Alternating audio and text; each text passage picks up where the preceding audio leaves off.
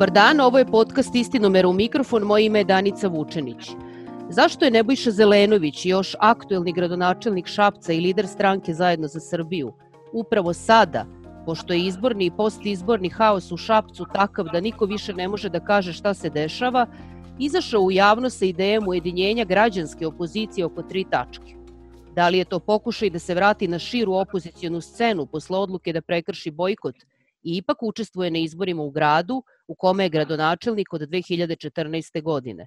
Da li su predlozi o novim licima jednom zapadnom stubu spoljne politike i učešće opozicije u rešenju za Kosovo podržani od partnera iz Evropske unije? Da li ta ideja može da se dovede u vezu sa Zelenovićevom tvrdnjom da Zapad misli kako Vučić bolje od opozicije razume međunarodni kontekst i interese Srbije u njemu?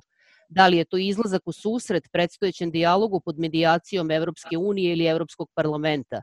Ali, da li se to može razumeti kao najava da Zelenović svoju političku budućnost više vidi u saradnji sa partijama koje ne misle da Vučić treba, Vučića treba rušiti na Kosovu.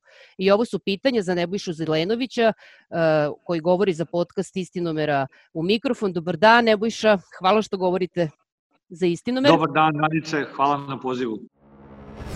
Lekoviti cinizam za poneti. Slušajte Ljubu Živkova, Retrovizor. Samo na Istinomer podcastu.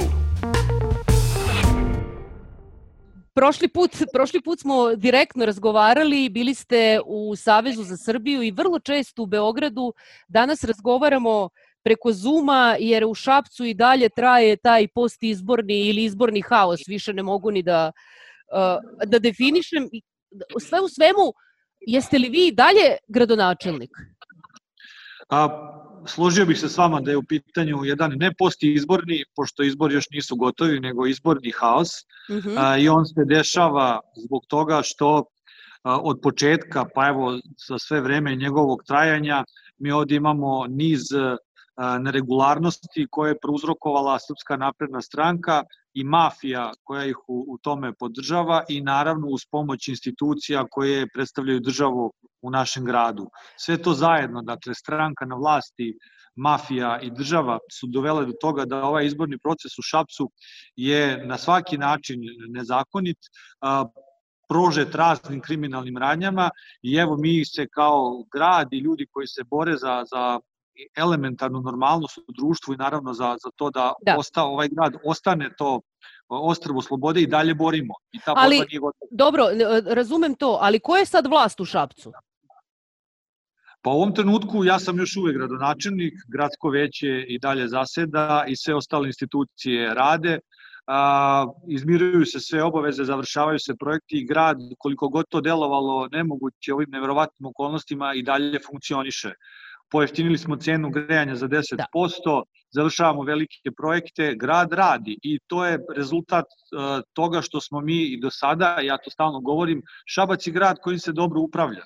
Dobro. I ja to imam, mogu da dokažem. Ali nekako uh, imam utisak da uh, uprkos vašoj tvrdnji da su građani, da ste vi izašli na izbore u Šapcu, uprkos odluci o bojkotu, e, da su, jer na zahtev faktički građana koji su želeli da brane normalnost, ja ne vidim tu borbu građana za normalnost. Naprotiv, e, vi zapravo potvrđujete svojim krivičnim prijavama protiv SNS-a u kojima dokazujete e, pritiske na birače, u kojima dokazujete potkupljivanje birača da su građani zapravo uh, podlegli pritiscima, a ne odbrani slobode kako vi kažete? Pa znate kako, da, da ja nemam, nikada nisam sporio da Srpska napredna stranka ima podršku u svakom gradu u Srbiji pa i, i u Šapcu, ali vam tvrdim i sad da nema većinu. I na kraju krajeva izbori u Šapcu su to dokazali. A kako da, nema većinu? Nije... Ako su osvojili, ne znam, koliko, 30 nešto od 69... Eh, Evo sad ću, da, sad ću da dođem do toga. Dakle, pre nego što kažem generalno i prokomentarišem rezultate ove koje sad vi pominjete, moram da kažem da ja sebe ne smatram licem koje je prekršilo bojkot, jer smo mi ovde u Šapcu bojkotovali republičke izbore. Dobro. A izašli smo na lokalne izbore u Šapcu, objašnjavao sam to više puta iz više razloga, ali ključni su ti što su građani želeli da branimo Šabac. I što su građani želeli da sačuvamo... Ali gde se vidi ta želja? Pa vidi se u tome što smo i u ovakvim nemogućim okolnostima mi zajedno sa našim partnerima koji čine istorijsku koaliciju u gradu osvojili 29.435 glasova, a Srpska napredna stranka u sve krađe i malverzacije 30.200, dakle nešto oko 800 glasova razlike. Dobro, ali da li biste rekli da... Takav, e, samo... Da vam kažem, bez, samo da kažem, Danice. Kažite. Bez bez podrške institucija koje su gledale tom kriminalu kroz prste i bez mafije koja je e, podpomogla da se desi jedan takav kriminal, a Srpska napredna stranka u Šapcu nema većinu. Ja za to imam dokaze. Ali nemate ni vi. Pa, dakle, da se razumemo, kada biste isključili sve ovo o čemu mi govorimo, i te kako imamo većinu. Ali ja ne, samo da nešto pojasnimo. Ja sad ne znam, e, imajući u vidu da ti rezultati konačni nisu objavljeni, ali prema onome što se može videti, e, koalicija oko vas je osvojila 22 mandata, recimo. To tako može da se sada kaže? Nije tako. Nije tako. Nije A šta je tako? Dakle, mi smo u prvom krugu, dakle u tim uh, izborima za koje smo mi tražili da se ponove na svim biračkim Dobre. mestima jer utvrđen niz nezakonitosti, još uvek čekamo odluku uh mhm. -huh. Ustavnog suda. Umeđu vremenu smo napisali drugu, drugu žalbu Ustavnog suda. Dakle, podneli smo dve ustavne žalbe na neregularnost procesa od njegovog početka. Podneli smo preko 15 različitih krivičnih prijava protiv više od 70 lica sa imenom i prezimenom koji su u toj izbornoj krađi učestvovali i od početka u taj proces smo ušli tako što smo evidentirali sve što se desilo, istrajavali u borbi i posle prvog kruga, kao što sam rekao, odnos glasova je bio 30.200 za Srpsku naprednu stranku, 29.435 za nas. U drugom krugu kada su neke liste dodatno prešle cenzus, naš broj mandata se i popravio. Bio je tu odnos 36-33 u broju mandata. I A koji je to? Aha, 30, kako ste rekli, 36 u odnosu na 33 u broju mandata. Tako je. A onda smo, onda smo ušli u taj treći ciklus u kome se sad desilo nešto što ja u ovom trenutku ne znam i da li na koji način mogu da komentarišem, a to je da jedan od naših koalicijonih partnera s kojim smo mi ovde vodili grad uspešno sve ove godine, odlučio da promeni stranu. Ali to je pitanje njegovog obrazloženja kako i zašto se to desilo. Ali hoću Ali da to kažem... Govori, da li to govori o tome da ste vi umeđu vremenu izgubili taj takozvani koalicioni kapacitet, imajući u vidu da ste 2000 na prošlim izborima, ako se ne... Ne, ja mislim, Danice, da ovo ima veze sa pritiskom kojem su izloženi naši partneri, Dobro. koji je očigledno bio toliko veliki, toliko snažan i toliko se neverovatna sila navalila na njih, da oni taj pritisak nisu mogli da izdrže. Ali su ga i tekako izdržavali zajedno sa mnom šest godina. Izdržavali su ga i posle prvog i posle drugog kruga ovih izbora u Šapcu.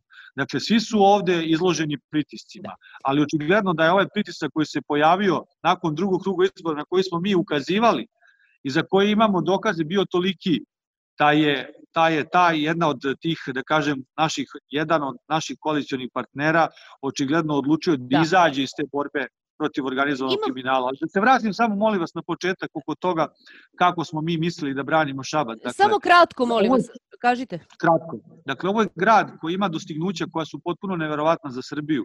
Za ta dostignuća su vam potrebne decenije. To su građani Šapca hteli da brane na izborima. Pored toga, nad ovim gradom se nadila opasnost u vidu organizovanog kriminala najgore vrste koji je hteo da preuzme grad.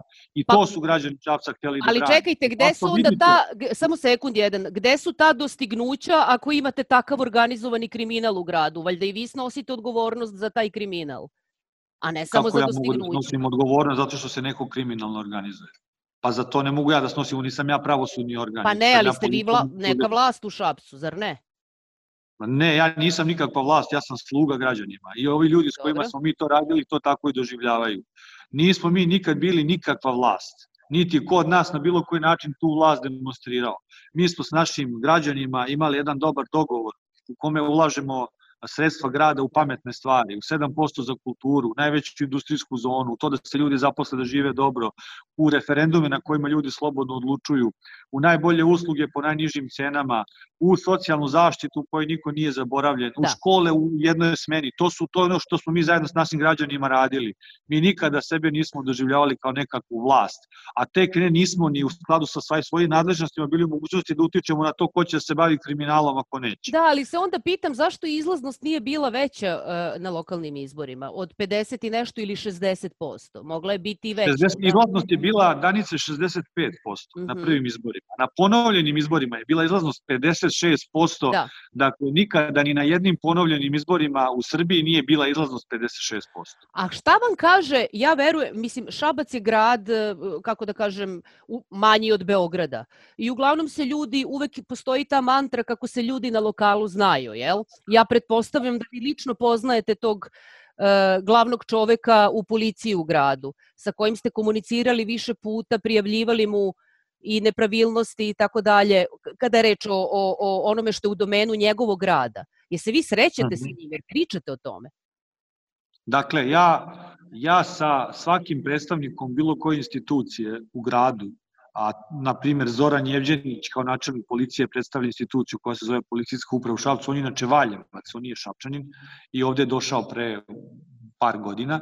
Dakle, imam formalnu i službenu komunikaciju. Ne družim se ni sa kim. Ne mislim da se družite, da, ali da li razgovarate na jedan normalan način o tome o čemu vi govorite, o tom kriminalu, organizovanom kriminalu, o napadima Tako kriminala? Tako je, dakle, Dakle, komuniciramo u smislu da kada, kada vam nekakva institucija koja se zove Gradska izborna komisija zatraži policijsku zaštitu zato što je neko upao na sednicu Gradske izborne komisije, policija ne izađe, ne utvrdi činjenice. A onda načelnik policije izađe i kaže da, bili smo i videli smo da je sve u redu. Kao što imate policajce koji na biračkim mestima gledaju kako se e, kako se kupuju i prodaju da. glasovi, kako se ljudi dovodi, kontrolišu i ne reaguje.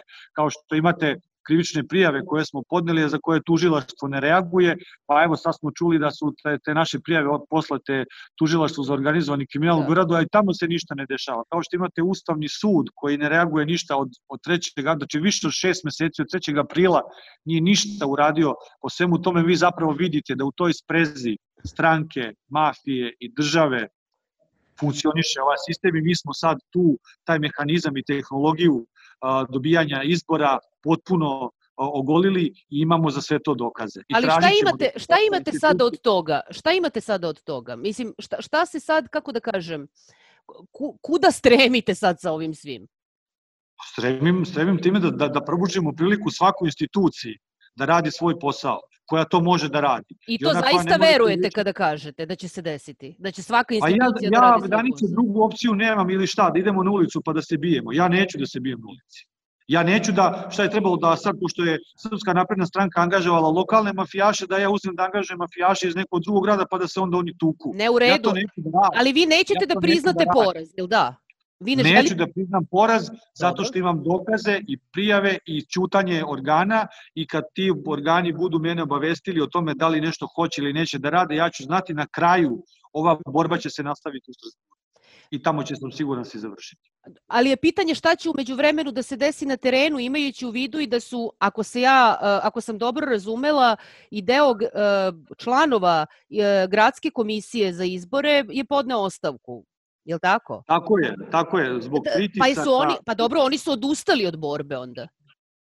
Jel da? Ne, oni su, smatrali, oni su smatrali da kao institucija koja ima zadatak da štiti izbornu volju građana, ne boreći se na bilo čijoj strani, nego boreći se za osnovne elementarne pozicije u kojima jedna institucija štiti izbornu volju tako što sprovodi proces, a to im je onemogućeno od strane drugih državnih organa koji takođe imaju obavezu da to rade, oni su se povukli. U ovom trenutku mi smo u jednom pravnom vakumu u kome ne postoji ne postoji, kako bih rekao, zakonit način, odnosno postoji zakonit način, ali e, ljudi koji predstavljaju Srpsku naprednu stranku su ponovo odlučili da čine nove nezakonite radnje, da ali... proizvode neke nove pečate, da donose neke nove odluke i sad mi čekamo da se sud po svim tim nezakonitim radnjama izjasni. Ali ja to ste mogli, zar niste to mogli da očekujete kada ste doneli odluku da izađete na izbore, imajući u vidu lučanski scenario koji ste imali kao primer, kada ste rekli, ali mi organizujemo, mi, izbori u Šapcu na Luka lokalu se organizuje, ne organizuje vlast u Beogradu, organizuje se na lokalu. Imamo medije. A na kraju se ispostavilo da je to bila pogrešna procena. A da ti kako, borba se vodi borba se vodi onda kada vi niste sigurni da ćete pobediti. Da su Ali vi ste tvrdili da ste sigurni. Kranje, pa čekajte, da li to sad znači da ako ja nisam siguran da ću pobediti, ne treba da izađem uopšte na izbore? Ja da ću da izađem na izbore samo ako ću da pobedim. Dobro. Ovo nije to, ovo nije bila ta vrsta borbe. Ovo je bila borba u Šapcu koja je morala da se vodi i ovo su bili izbori na kojima smo mi morali da učestvujemo zato što su to građani Šapčani od nas očekivali. I naravno da su oni svi bili u uverenju da ćemo mi ogromnoj većini da pobedimo. To što se desila izborna krađa, to što se desio neviđen kriminal, a mi sad tu stvar moramo da izguramo pred institucijama. Ne možemo se pretvaramo da te institucije ne postoje i da one su jednostavno u službi. One jesu sve to, ali mi da. za ove stvari imamo dokaze. Na da, kraju, imam, imam samo još jedno. Uh. -huh. Postupanje tužilaštva i nepostupanje policije u nekom trenutku mora neki šef, tužilac ili sudija da potpiše i to su živi ljudi koji su sve to radili. Dakle, ova stvar je sad zaokružena u jednu razobličenu organizaciju organizovanog kriminala za koju imamo dokaze i teraćemo bre ovo do Božje kuće. Intervju Mikrofon. Mada i, SNS, se... mada i SNS tvrdi da je bilo kriminala sa druge strane. Dakle, to je Glišić ako se ne varam rekao. Ako tvrdi, neka to dokažu da. na sudu. Da, ali... Ja, nemam, ja, ja sa tim nemam problem. Da, ima još dakle, jedna, ja... im, imam još jedno pitanje koje se odnosi na gradsku izbornu komisiju. Ja sam razgovarala sa nekoliko ljudi koji se koji prate koji prate uh, uh, izbore, nisu nezvanično jer u Šapcu nije bilo uh, posmatrača na način na koji je to bilo ranije zbog korone i tako dalje, ali su zamerili gradskoj izbornoj komisiji u Šapcu da nije transparentno postupala, da nije kačila na sajt svoje odluke i da, da se nije znalo tačno kakve odluke donosi. A to nije tačno. Uh mhm. -huh. Dakle, to nije tačno a, po informacijama koje ja imam sve su stvari na, u, u određenim vremenskim okvirima koji su dati kao rokovi za postupanje gradske izborne komisije, gradska izborna komisija je to radila. Dobro. Ako gradska izborna komisija u nečem nije radila dobro, pretpostavljam da ima organ iznad gradske izborne komisije koji je na to mogao da utiče. Da. I ja verujem da je on, ako je mogao, da uticao. Ali ja, koliko ja imam informacije, to nije tačno. Dobro. I sad kad podvučete crtu, da li uh, vi kažete moralo, moralo je da se bori i tako dalje i trebalo je izaći na izbore i ne kajete se. To ste nekoliko puta ponovili u nekoliko intervjua. Ali kada s druge strane posmatrate stvari, da li mislite da ste ne samo izgubili izbore u Šapcu, već ste odlukom o izlasku na izbore izgubili, deluje, deluje mi, i partnere u opoziciji koje ste imali pre te odluke? Ja mislim da je borba u Šapcu koja se desila bila iskrena i bila dobra i ljudi, dakle ljudi u Šapcu su imali potrebu da je vode i mi svi zajedno sa njima. Ta borba je dovela u nekom trenutku da se ta situacija u kojoj nas neko osuđuje za bojkot, a kad uzme kutiju lokalnih i kutiju republičkih izbora, utvrdi da je kutija za, sa listićima za republičke izbore do pola prazna, da je lokalna kutija puna do vrha, Dobro. vam govori da su Šapčani tekako bojkotovali parlamentarne izbore, o kojima se ovde na kraju krajeva i radilo. Sa druge strane, kako se opozicija i da li smo mi u njoj dobili ili izgubili partnere, pa pokazalo se tamo negde pred kraj ovo kada su svi u Srbiji videli kako izgleda jedna prava borba ljudi koji se ne predaju. Najveći broj njih imao potrebu da to i podrži. Tako da ja mislim da Šapčani nemaju čega da se stide kao što mislim ni da Šapčani e, mogu da se ponose ovom borbom kao što su se do sad ponosili time da su i Šapci. I sada Uvek vi... kada razgovaraju sa svojim prijateljima iz drugih gradova po Srbiji. Dobro. Tako I sad... da mi smo, hodamo uzdignuta čela i nemamo nikakav Dobro. problem da bilo šta objasnimo kome god treba. Dobro. I sad, vi ste izašli pre nekoliko dana uh, sa svojim predlogom uh, u tri tačke za, kako ste rekli, ujedinjenje građanske opozicije. Ukratko reči o tome da treba nova politika i nova lica, da je potrebno formulisati spoljnu politiku oko jednog stuba, pre svega zapadnog, i da, je tre, i da treba na neki način se uključiti u rešenje oko Kosova sa ličnom naznakom vašom, sad vas citiram, da to rešenje treba biti, biti što pre. Zašto ste u ovom trenutku izašli sa ove tri, sa ove tri tačke, odnosno sa ovim predlogom? Posle... Dakle, ovo nije nikakva nova stvar što se tiče e, mene i mog političkog delovanja i ja sa ovim stvarima, odnosno sa, na ove teme razgovaram sa političkim partnerima, ljudima koje ja vidim kao političke partnere već neko duže vreme. Ko su to? Ko su to? O pitanje, pitanje, evo sad ću doći do toga, uh mhm. -huh. pitanje, e, pitanje zašto su se ove e, teme pojavile sad je zato što smo mi u nekakvim procesima ujedinjavanja opozicije e, došli do tačke kada teme koje su već bile dogovorene i, i, a, bile, kako bih rekao, stvari koje su bile nesumnjivo svima prihvatljive, a to je, na primjer, nova lica u politici, kao što, ste, kao što je prvi, prva stvar, to se jednostavno ne dešava. Nema, nema novih lica, ili to ide jako sporo, jako teško. I s obzirom na činjenicu da kada vi oko takve jedne stvari koja je E, najvažnija, ne možete da dođete do nekakvog političkog dogovora, ja smatram da je važno da se negde stvari raščiste i da se izađe na, na, čist, na čistinu oko toga šta zapravo ko misli i kako misli da dela u budućnosti. Dobro. A suština ove moje postavke je mhm. zapravo zasnovana na činjenici, elementarnoj činjenici, a to je da li mi želimo da učestvujemo u oblikovanju svog života ili ne želimo. Dobro. A Ali samo, molim vas jedno pitanje samo. Da li je e, ta inicijativa, jer vi zapravo na neki način pokrećete inicijativu i bacate lopticu u opozicijono dvorište, e, da li ona može da se dovede u vezu sa tim, sa, va, sa vašim pokušajem povratka na nacionalnu scenu, imajući u vidu da ste sa nje se tom odlukom da učestvujete na izborima u Šapcu na neki način skrajnuli? Ja uopšte ne mislim da sam se na bilo koji način skrajnuo sa nacionalne scene, a takođe sam siguran da su izbori u Šapcu pokazali dve važne stvari. Mhm. Prva stvar je da je borba moguća i ako je moguće u Šapcu, moguće je bilo gde drugde, zato je bitno da imate političku ponudu i da imate organizovan sistem. A sa druge strane, borba u Šapcu je pokazala još jednu stvar koja je, mislim, važnija, a to je da Vučić, Vučić nema većinu.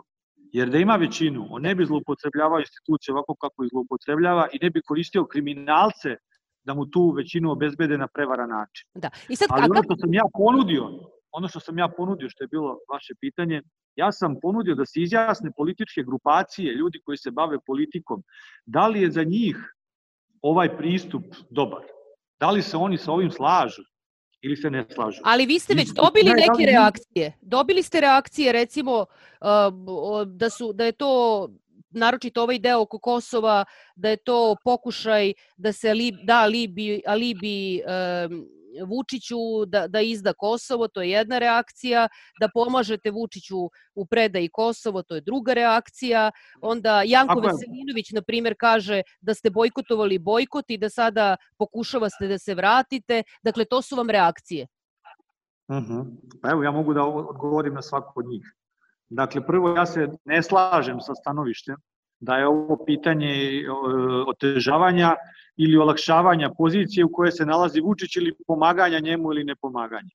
Ovo je stvar odluke da li mi želimo da se borimo za to kako ćemo živeti i šta će biti sa zemljom.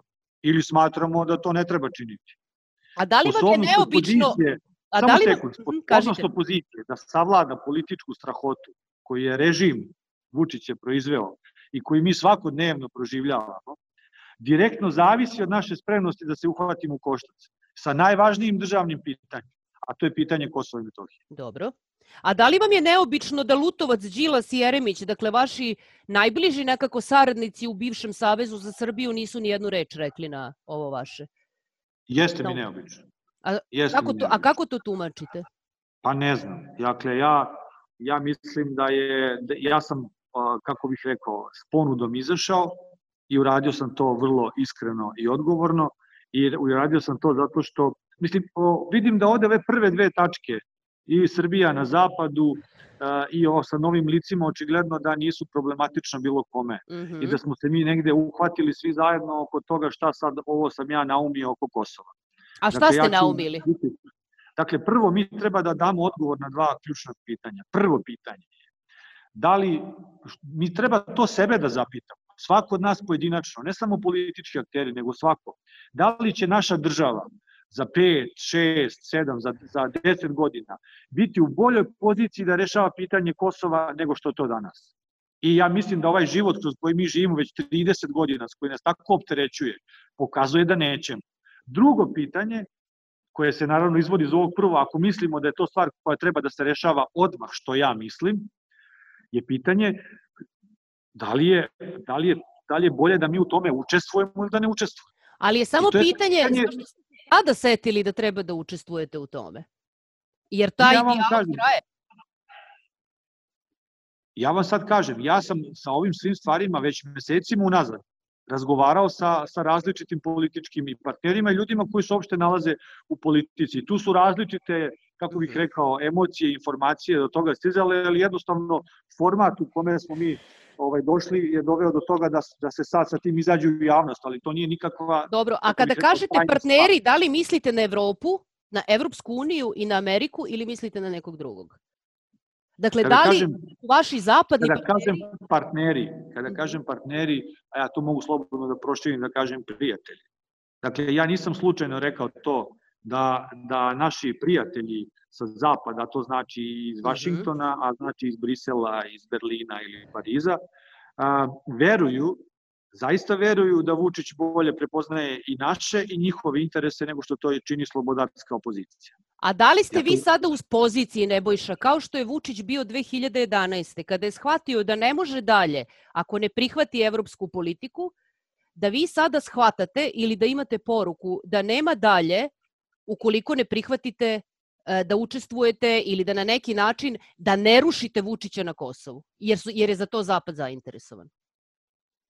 A, ja mislim da je jako važno da se interesi koje ima Zapad pomire u nekom trenutku sa našim srpskim interesima. I ja ovim ne mislim da kradem bilo kome bilo kakvu temu. Ja o ovome imam isto mišljenje i prenosim ga svima koji to žele da čuju, bilo da su oni predstavnici e, stranih e, ili nekakvih internacionalnih organizacija ili su naši do, lokalni politički partneri. Ja istu stvar govorim danice dve godine, možda i duže. Pa sad ja nisam čuo da iskreno rečeno, ali do... Je, nismo je iznosili u javnosti, ja je nisam iznosio u javnosti, evo sad sam izašao u javnost sa njom, da. ali nisam, nisam, nisam ja svoje stanovište tu pomerio ni za jotu, evo unazad dve godine. Ali da li I imate utisak da ovim, e, da ovim predlozima zapravo uh, više gađate, ako tako mogu da kažem, da se više da više kucate na otvorena vrata, vi kažete građanska opozicija. Ajde da kažem, da upotrebim izraz e, Đorđa Vukadinovića, građanističke opozicije, a ne vaših bivših partnera iz Saveza za Srbiju. Ma ovo dakle, je pitanje ponude koja ide prema, ovo je pitanje ponude, kao što sam rekao, koja ide ovim političkim grupacijama. I ja, meni je e, vrlo interesantno da je Građanski demokratski forum se, se dobro izjasnio o tome i mi ćemo sad e, o tome i razgovarati. E, mislim da kako budu te stvari prolazile i da će se i ostali koji, s kojima se mi budemo oko toga dogovarali izlaziti pa o tome izveštavati javnost. Evo ja ću biti slobodan da se izvestimo svakom onom ko je ko se zapravo ovom jednom procesu pridružuje i želi e, da u njemu učestvuje. I naravno svako treba da kaže svoje mišljenje. Ne, ne, razumem, ali da li, da li vi zapravo time pravite, e, neću da upotrebim reč kolona, ali da na neki način će se oko tog predloga više okupiti Građanski demokratski forum, pokret slobodnih građana, razni pokreti sa kojima već i sada sarađujete, vidim i sa Skupštinom slobodnih građana da sarađujete i tako dalje. Uh, uh, dakle, a ne vaši bivši partneri iz Saveza za Srbiju, koji smatraju da uh, Lutovac, Đilas i Jeremić, koji imaju potpuno drugačiji stav kada je reč o, o, o, kosovskoj, o kosovskoj priči, o tome da li treba ili ne treba u tome učestvovati. Znate kako, ovo je otvorena stvar za sve i mislim da svako treba da se izjasni. Ja ne vidim da je ovo zatvorena, ja čak mislim da je ovo jedan vrlo otvoren proces. Ja bih voleo da tih ljudi koji hoće da se uključe, znate, nije, nije normalno da svako ko se ozbiljno bavi politikom i ko misli da se ozbiljno bavi politikom, ne bude uključen u rešavanje najvažnijeg državnog pitanja. To pitanje treba da oblikuje naš život u sledećim decenijama, možda i čitavom veku. I nije moguće da neko ne želi da bude zainteresovan da učestvuje u takvom jednom procesu. Druga stvar, mi ne znamo šta se dešava. I mhm. strašno je da ne znaju to ni novinari, ne znaju ni ljudi koji predstavljaju nekakve političke grupacije, bile one e, u parlamentu ili ne bile u parlamentu, bile one predstavnici ljudi, nekakvih stotina hiljada ljudi koji u ovom trenutku takođe nemaju nikakvu informaciju. Zbog svega toga mi smo došli u situaciju da velikom broju građana je ta tema tabu tema. Pa ne može biti tabu tema nešto što oblikuje našu budućnost. U redu, u redu, da ali ko će da vas obavesti o tome šta se dešava? Dakle, da li vi se ovim obraćate Vučiću i tražite od njega informacije ili se obraćate Lajčaku ili Evropskoj uniji i od njih tražite informacije i način da se uključite u to? Dakle, mi ćemo sad, kada budemo ovu stvar sa, sa ljudima, odnosno predstavnicima političkih e, grupa, se dogovorili oko toga ko sve podržava ovakav jedan e, pristup, a, napisati jedno zajedničko pismo i napisat ćemo ga i Evropskoj uniji i napisat ćemo ga svim telima u kome mi želimo za početak da se informišemo o tome. Želimo da znamo šta se dešava, želimo da znamo šta je na stolu. I na koji ja način da, biste, na koji način vidite... Znate, ja sam bio, ja sam kao, ja sam kao neko ko se bavi politikom i, i čak i da se ne bavim politikom, kao redovan građanin, bio poražen činjenicom da kada je potpisan Vašingtonski sporazum, da je Abdullah Hoti otišao u parlament Kosova i tamo objasnio šta je on to potpisao, a onda ne samo da je to uradio, nego je sa svojim timom počeo da obilazi opštine na Kosovu i da po opštinama objašnjava ljudima šta se zapravo desilo u Vašingtonu. A ovde kod nas ne da Vučić nije došao u parlament, nego niko ne zna šta se dešava i šta je ideja. Čak nisam čuo ni nekakve ozbiljne analize svega toga i ti priliku da se da. bilo ko sad ko se bavi politikom izjasni o tome. Imam utisak kao da ljudi sve što negde ima negde u sebi uh, sintagmu Kosovo i Metohije jednostavno ne imaju problem da bilo šta kažu ili da promišljaju o tome. Dobro, pa tako ali... ne može da se vodi život. Kako, Tako dobro, ne može da se vodi život. Da li mislite, e, dakle, na koji način mislite da se vi u to, e, da biste mogli da budete uključeni u to? Pa da vam kažem, kad da postoji volja... Da sporazum, ako ga bude, evo, ne, ne, ne, ne, ne, ne. Kad, pa, znate kako, ja imam utisak, to sam rekao i malo pre, E, ako mi mislimo da ova stvar treba da se, da se rešava a, a, odmah, odnosno da se rešava što je moguće pre, zato što to proizilazi iz našeg uverenja da se ona neće na bolji način i našeg iskustva, da se ona neće na bolji način rešiti za 5 ili 10 godina, onda je sad tu pitanje prvo da li mi se informišemo o tome e, šta se dešava. Pa valjda je bolje da učestvujemo u tom procesu jer možda možemo nešto i da popravimo, nego da iz tog procesa budemo isključeni. Valjda je da, bolje samo da pitanje kako da učestvujete. Pa kad postoji volja, pronaći će se i način. Dobro. Znači, znači kad znači postoji znači, energija, kad postoji energija, ta energija će pronaći i put, i okvir, i format, i način da se u tome učestvuje. Dobro, dakle vi smatrate, e, e, da samo da to razjasnimo, e, vi smatrate da tema Kosova i budućeg eventualnog pravno obavezujućeg sporazuma ne treba da bude argumentacija za rušenje Vučića kao što većina u opoziciji smatra? Ja mislim da tema Kosova kao jedna od najvažnijih držav, najvažnije državno pitanje treba da bude pitanje koje će biti izneto pred sve građane na ko, u kome oni treba da se izjasne. Samo a, rešenje koje će izvesti iz hipnoze 2 miliona ljudi koji od nečemu treba da kažu i da odluče, može da bude održivo rešenje može da bude rešenje koje će obezbediti trajni mir na ovim prostorima. Sve drugo je igranje sa budućnošću i životima svih naših građana. Dobro. Ja ne želim da se igram. Ja sebe kao i ove ljude smatram odgovornom osobom i moramo se odgovorno ponašati. Dobro. E, imam još dva pitanja, dakle koje se odnose na ovo i moramo moramo da polako da privodimo kraju. Da li je, dakle da li su te tri tačke odnosno pogotovo ova treća oko Kosova koja se dovodi u vezu sa tim da li Zapad smatra da Vučić bolje razume kontekst od opozicije. Da li se može razumeti onako kako mhm. ju je objasnio pre neki dan Cvjetin Milivojević, kao nekakav dogovor vas sa vašim partnerima, kako vi kažete prijateljima iz Evrope sa kojima imate konstantnu komunikaciju, da vi na neki način se uključite u to rešenje, a da oni sa druge strane pomognu opoziciji u vezi sa dijalogom oko izbornih uslova, koji sledi svakako. Ja mislim da vi kada imate prijatelje i kada negde ti prijatelji imaju sajno sa vama pomirene interese, da mhm. ćete se vi dogovoriti o svemu što je važno i prvo o ovoj stvari, onda i o svakoj drugoj stvari. Ima tu još jedna istina koju, koju treba da, da negde potpuno otvorimo. Kažite. Dakle, istina je da su se i Amerika i najveći broj zemalja Evropske unije su priznale i Kosovo. Mhm. A, a, a ja verujem, ja verujem da naš put za, za, za bolji život ili za dobar život građana Srbije leži u partnerstvu sa Evropom i sa Amerikom. Jel to I znači onda, da i mi treba da priznamo? Učešće, sad moje pitanje, kako će neučešće srpske opozicije da promeni poziciju zemalja koje su priznale Kosovo. A drugo, da li će partnerstvo naše sa nekim drugim silama možda učiniti nas u, u Srbiji i, i snažnijim i uticajnijim nego što to jesmo i da li će taj drugi politički put u Srbiji da obezbedi da Srbija živi bolje. Ja vam kažem da neće. Dakle, vi na neki, stvari, da, razumem, vi na neki dakle, način razumete... Ja verujem, dakle, ja mislim da je verovatnije, verovatnije, da će rešenje ovog pitanja biti povoljnije za nas, za Srbiju, ako se opozicija, koja predstavlja, verujem, jedan veliki deo ovog društva, uključi u njeno rešavanje.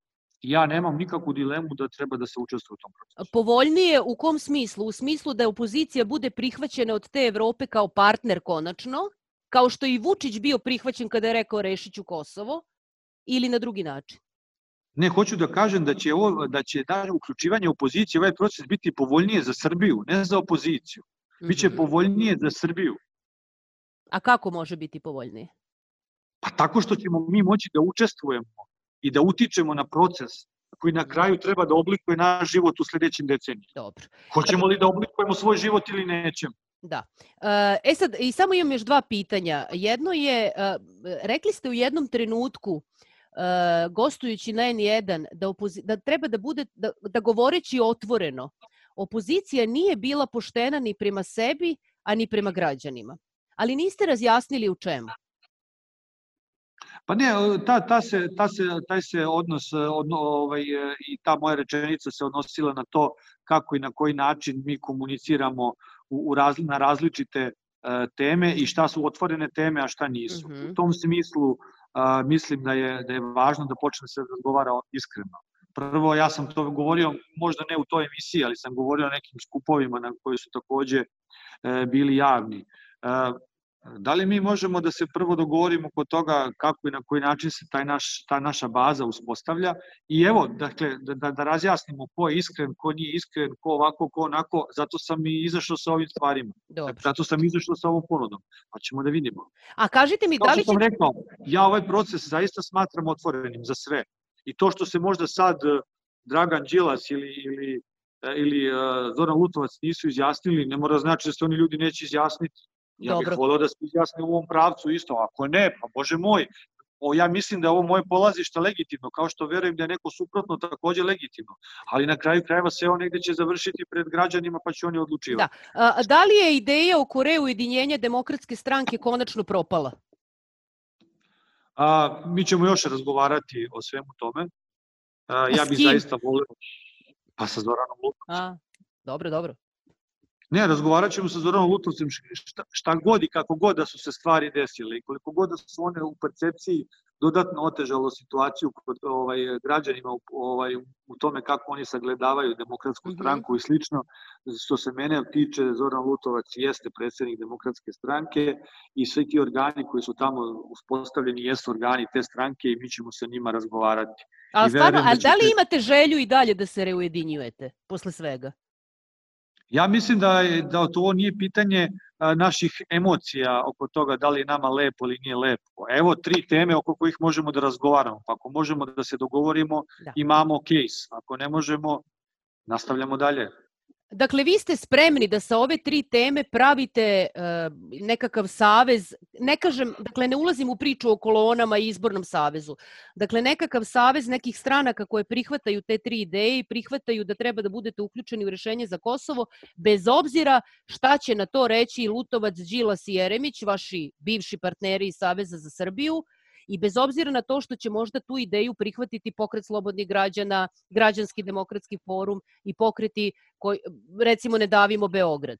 Pokreti ja se nadam, ja se nadam da će ga da će ga svi prihvatiti. A znam nakon razgovora sa velikim brojem njih, naravno čemu ću, pošto sad nije trenutak, ali vrlo brzo kako se ti budu razgovori dalje razvijali, o tome obaveštavati javnost. Ali ono što mogu sada da vam kažem, to je da građanski demokratski forum je, je vrlo zainteresovan i pohvalno se o tome izjasnio, a onda i svi drugi ovaj, koje ste vi e, pobrojali s kojima će se razgovarati, negde ćemo doći do, do nekakvog, ovaj, sad jednostavno nije, nije trenutak da. da, se, da se ta stvar ovaj, obznanjuje, ali vrlo brzo će, ćemo imati, odnosno vi ćete imati informacije da.